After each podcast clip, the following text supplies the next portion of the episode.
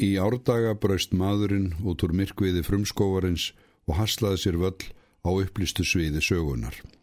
Hann á orðið langa leið að baki frá þeim fyrsta áfanga og ávinningurinn af þeirri launguferð hefur oftar en hitt verið í öfugur hlutfalli við fyrirheitin. Ídla klættur og skættur var hann að heimann búinn og lengst af hefur slóðhans verið vörðuð lánleysi þeirra sem hafðu tilgangsleysið eitt upp úr krafsinu. En þrátt fyrir það hefur hann aldrei gefist upp og hér er hann stattur í andiri 20. aldar anspænir stærri fyrirheitum en hann hafði nokkru sinni órað fyrir.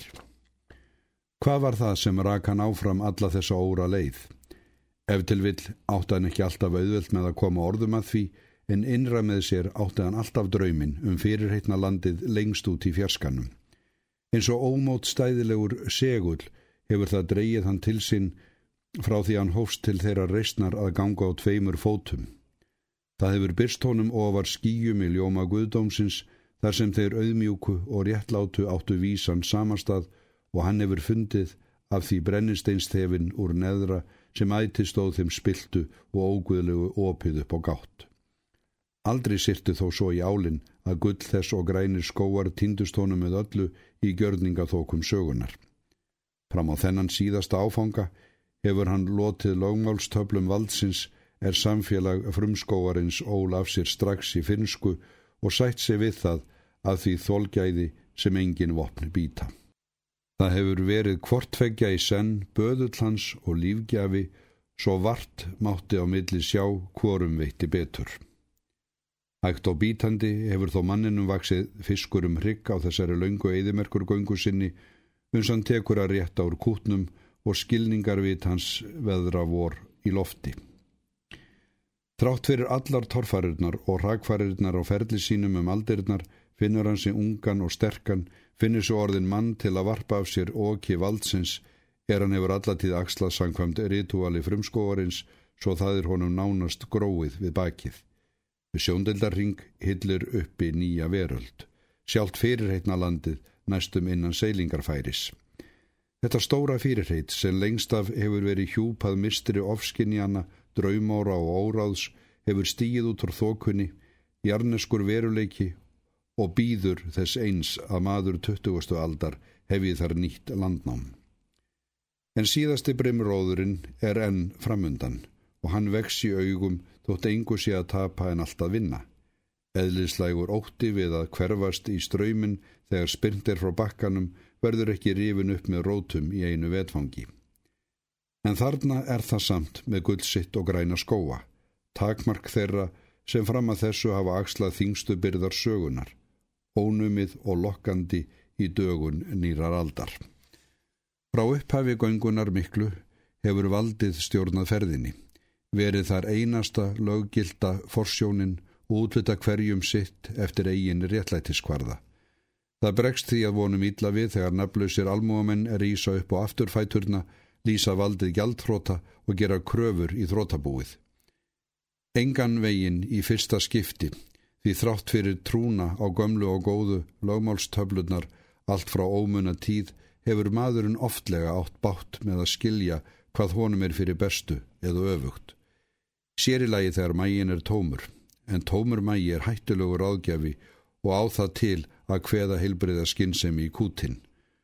Svo óheirileg framleipni hefur aldrei verið þóluð og refsingin æfinlega við það miðuð að fordæmið aðleggja af sér endurtekinn glæp. En nú kemur það á daginn að réttlæti valdsins er gengið til húðar.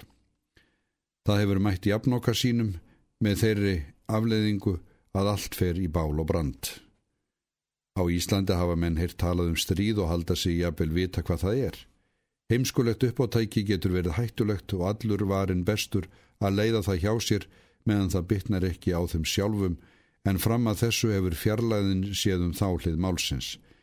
En þegar svo er komið að stríð er ekki lengur stríð upp á gamla og góða kristilega vísu heldur bylting sem hefur í heitingu við sjálfan Guðdómin ofan á allt annað fer að fara um þá sem hinga til hafa lifað í andvaraleysi út úr borunar. Og þessi naumast að vænta að á Íslandi séu menn upp til hópa klárir á málstæðin á meðan hann vefst fyrir mörgum sem berjast og degja fyrir hann í útlöndum. Bylting Hvernig ber að skilja það orð? Hvað bóðar hún þegar öll er á botnin kvöld? Fyrir heitna landið, fullir þið reitn, samfélag réttlætis og bræðralags, lætur annar hafa eftir sér. Heimsendir, staðhæfir sá þriðji. Hvernig í ósköpunum er hægt að koma þessu heim og saman? Auk þess hafa margir fyrir satt að hún sé það eitt að kála prestum í útlöndum næst og eftir kongum og keisurum og öðrum minniháttar oddvitum auðvaldsins. Að því leiðir að hún er Íslendingum óvið komandi því þeim er mennlaust til presta og borin von að þeir komist nokkur tíma í skotfæri við sin eigin kong, auk þess kann engin Íslendingur almennilega á bissu. Í þessu friðsalalandi hafa menn vanist af því að kála hver öðrum nema þá helst út af kvennamálum eftir að hetjur Íslendingar sagna gespuðu gólunni. Í mörg hundruð ár hafa þeir dáið kristilega þengjandi úr svartadauða, stórubólu og hór án manngreinar álits og í fylstu eindrækni svo í þeim efnum hefur aldrei verið upp á jafnbrettið að klaga. Húsbóndarétturinn hefur aldrei verið litin hortnöga í alvöru og Íslandi því hann hefur þó alltaf verið það hellubjarg sem hægt var að fóta sig á og þess vegna fásin að hætta sér út á hálan ís upp á von og óvon. Lofum þeim í útlöndum að snýta rauðu vegna fjárstæður kendra draumóra um nýjan heiminn og nýja jörð. Hver er komin til að segja að þar séu skári landkostir en á Íslandi sem öllum kemur saman um að sé bestaland í heimi með grjótsitt, jökla og gras? Þó er aldrei að vita nema eitt hvað sé til í þessu með fyrirheitna landið en að fara sælast að fara sér ekki óðslegað neinu. Ef til vill ekki svo galið að eiga það í bakhundinni er svo kynna að fara að í önnur hús er það ekki að venda. Veturinn hefur verið langur og erfiður, en um síðir vorar í lofti sangkvæmt almanækinu, menn taka rétt úr kútnum og spá í skíin en þau eru svarafá duttlungafull að vanda svo farra fyrirheita er að vænt úr þeirri átt fyrir þá sem hafa orðið að þreja þorran og góuna með hendur í vösum að því engin verkefni lág á lausu til að kljást við. Það eru guggin andlit sem horfast í augu við vorið og bjart sínin á erfitt uppdráttar þrátt fyrir langþráð ástíðaskipti. Bilding, auðvald. Þessi orð hafa oft látið í eirum eilífs þennan vetur og æfinlega heima hjá Halla. Hann er þar alltaf velkomin á hverju sem veldur í veröldinni og hann er ekki einnum það að leggja þanga leið sína. Menn sem hann veit lítil eða engin deili á eru þar tíðir gestir á kvöldin. Erfiðismenn í durnarlegum fötum kýttir í herðum með veðruð andlit og grófar liðaberar hendur. Þeir setja þar stundum fram á nætur og ræðast við og uppistaðan og ívafið í samræðunum eru æfinlega byltingin og auðvaldið. Eilifur reynir stundum að fylgjast með því sem þeir segja en skilningur hans rekkur ekki enþá til að skilja alvöru þess sem á dagskrá er. Þetta er ekki íkja vígamannlegur hópur, óskupu hverstaslegir menn eins og pappi Halla, flestir gamlir í sjón og óhugsandi að þeir geri flugum einn. En svo mikið verður honum ljóst að þessir menn hafa svarið byltingunni trúnað hvað svo sem það kann að leið af sér. Það dilst ekki að eitthvað mikilvægt likur í loftinu. Ef til vil er það byltingin. Kanski er það bara vorið. Halli kemur ekki lengur í hús frængu. Hann veit sig þar óvelkomin og er nógu skinugur til að gera sig grein fyrir því að komur hans þangað geta valdið vini hans óþarfa leiðindum.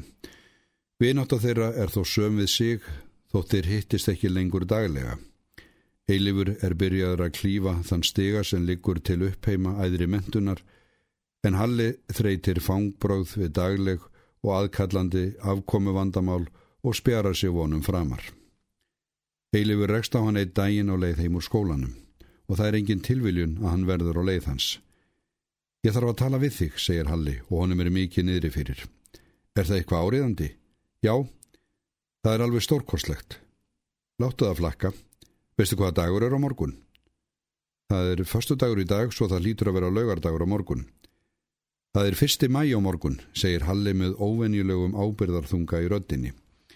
Fyrsti mæ, getur vinur hans upp eftir honum skilningslaus. Er hann eitthvað öðruvísi en aðrir dagar? Hann er hátíðistagur verkamanna, heilagur en jólin, páskarnir og kvítasunnan í einni bendu. Það á að fara í kröfugöngu á morgun til að heimta meiri vinnu og herra kaup, segir Halli rjóður í framann af ákafa. Heima hjá Halla hefur eilífur heyrt minnst á þennan dag af meiri virðingu en það er borin fyrir öðrum dögum. En hann hefur ekki tekið þann alvarlega fram að þessu. Í húsi Frængu hefur hann aldrei verið haldin hátilegur. Það verður voða spennandi heldur Halli áfram. Það verða allir að vera með, þú líka.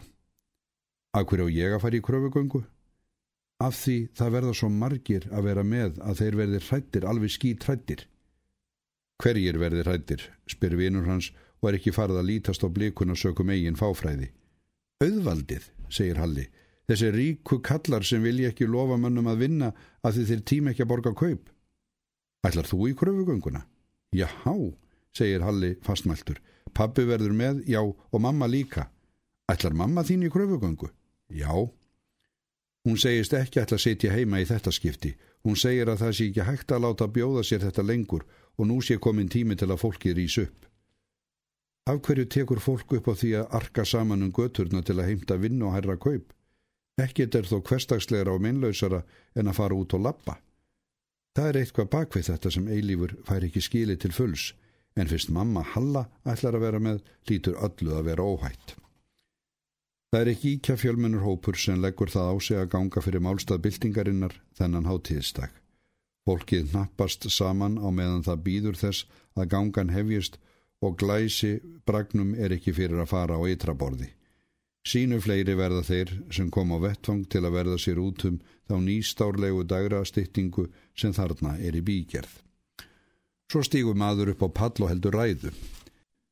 Veitist hann hart að auðvaldinu fyrir að þrengja svo kosti almúans að nú verður ekki lengur við það unað án þess að láta hartmæta hörðu.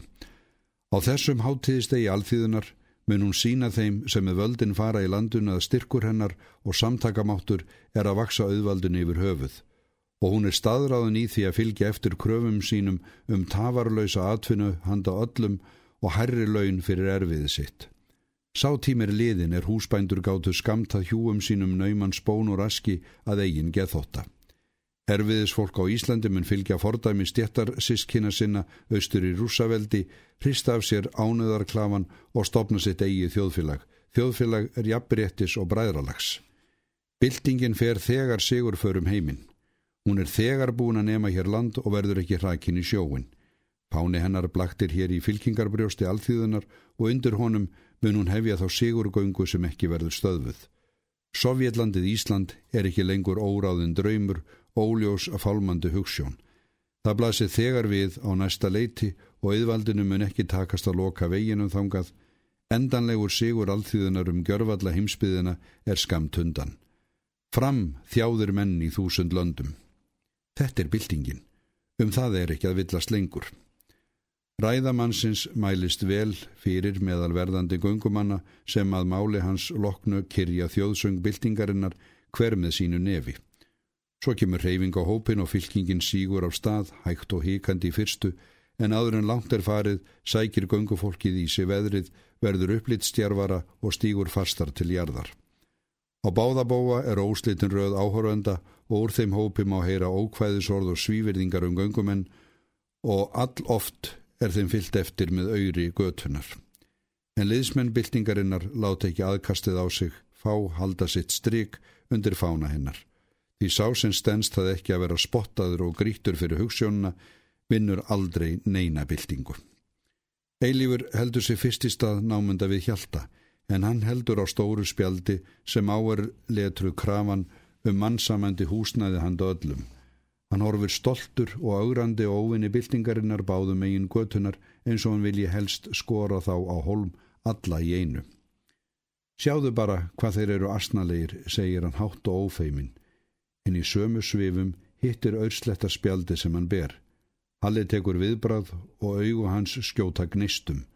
Langar sínilega til að bregða sér út úr hópnum og láta hendur skipta en sér sig um hönd. Lækkar spjaldið, þurkar af því með peysuerminni, liftir því svo yfir höfuð og ný og heldur göngun áfram eins og ekkert hafi skorist. Eilífur verður fljótlega viðskila við hann, hverfur í hóp karla og hvenna sem hann þekkir ekki. Finnst hann ganga berskjaldadur þrátt fyrir samfélgina. Óttinn ríður sér til rúms í hugskoti hans, sesti í knjáliðina, nýstir í magan, slær glíu í augun. Hann svíður í kinnarnar þegar háðsklósur auðvaldsins dinni á honum eins og snoppungar. Hann brestur kjark til að líta til hliðar, hefur ekki djörfung til að horfa beint fram. Álútur sér hann aðeins lítinn blett af götunu umhverfis sína eigin fætur og þessi takmarkaði sjóndeldarringur er tróðin stórum klunnalegum fótum sem hreyfast í sífellu hver fram yfir annan í háttbundnum takti og skella á götunni svo hún titrar við og öyrin slettist. Þeir fjandsamlegir fætur en hann á ekki samleið með þeim þrátt fyrir það. Óhugsandi að komast nokkur tíma í takt við þá en hann hlýtur að fylgjast með þeim því hann veit sig þó óhuldan á meðan hann á þá að. En hvað tekur við þegar hann hefur þá ekki lengur til skjóls? Hann yðrast þess að hafa látið að orðum Halla að vera með, en hann getur ekki tekið sér út úr, ekki snúið við. Þessa píslargöngu verður hann að þrauka til enda, en hvar og hvenar endar hún? Ef til vil heldur þetta fólk áfram í það óendanlega, ekkert getur stöðvað það þegar það er einu sinni komið af stað. Bildingin er hér fararstjóri og skipi hún svo fyrir að þetta fólk gangi í einum áfanga alla leið og heimsenda mun það hlýðnast henni. Svo verður hann allt í einu var annars konar áhrifa og áraðir að líti upp.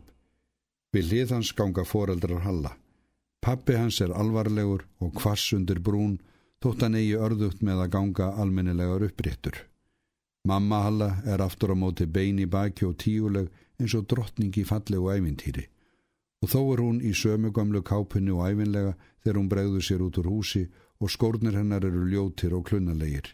Hún horfir beint fram undan sér, björtum, opnum augum, eins og hún sjá eitthvað fallegt og heitlandi langt út í fjerskanum. Spott og hálsklósur rín ekki á henni og þar sem hún fer hörvar óvinnurinn undan. Hún er æfinlega falleg, en þennan dag er hún fallegri en okkur sinni fyrir fegursta kona í heimi.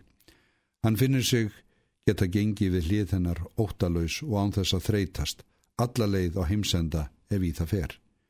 Hún lítur snakvast til hans og brosir og hann brosir á móti því nú er hann sterkur og örugur og hefur ekkert að óttast. Svo tekur þessi ganga enda. Bildingin á Íslandi hefur lagt sinn fyrsta áfangað baki og kastar nú mæðinni áður en lagt verður til nýrar allögu.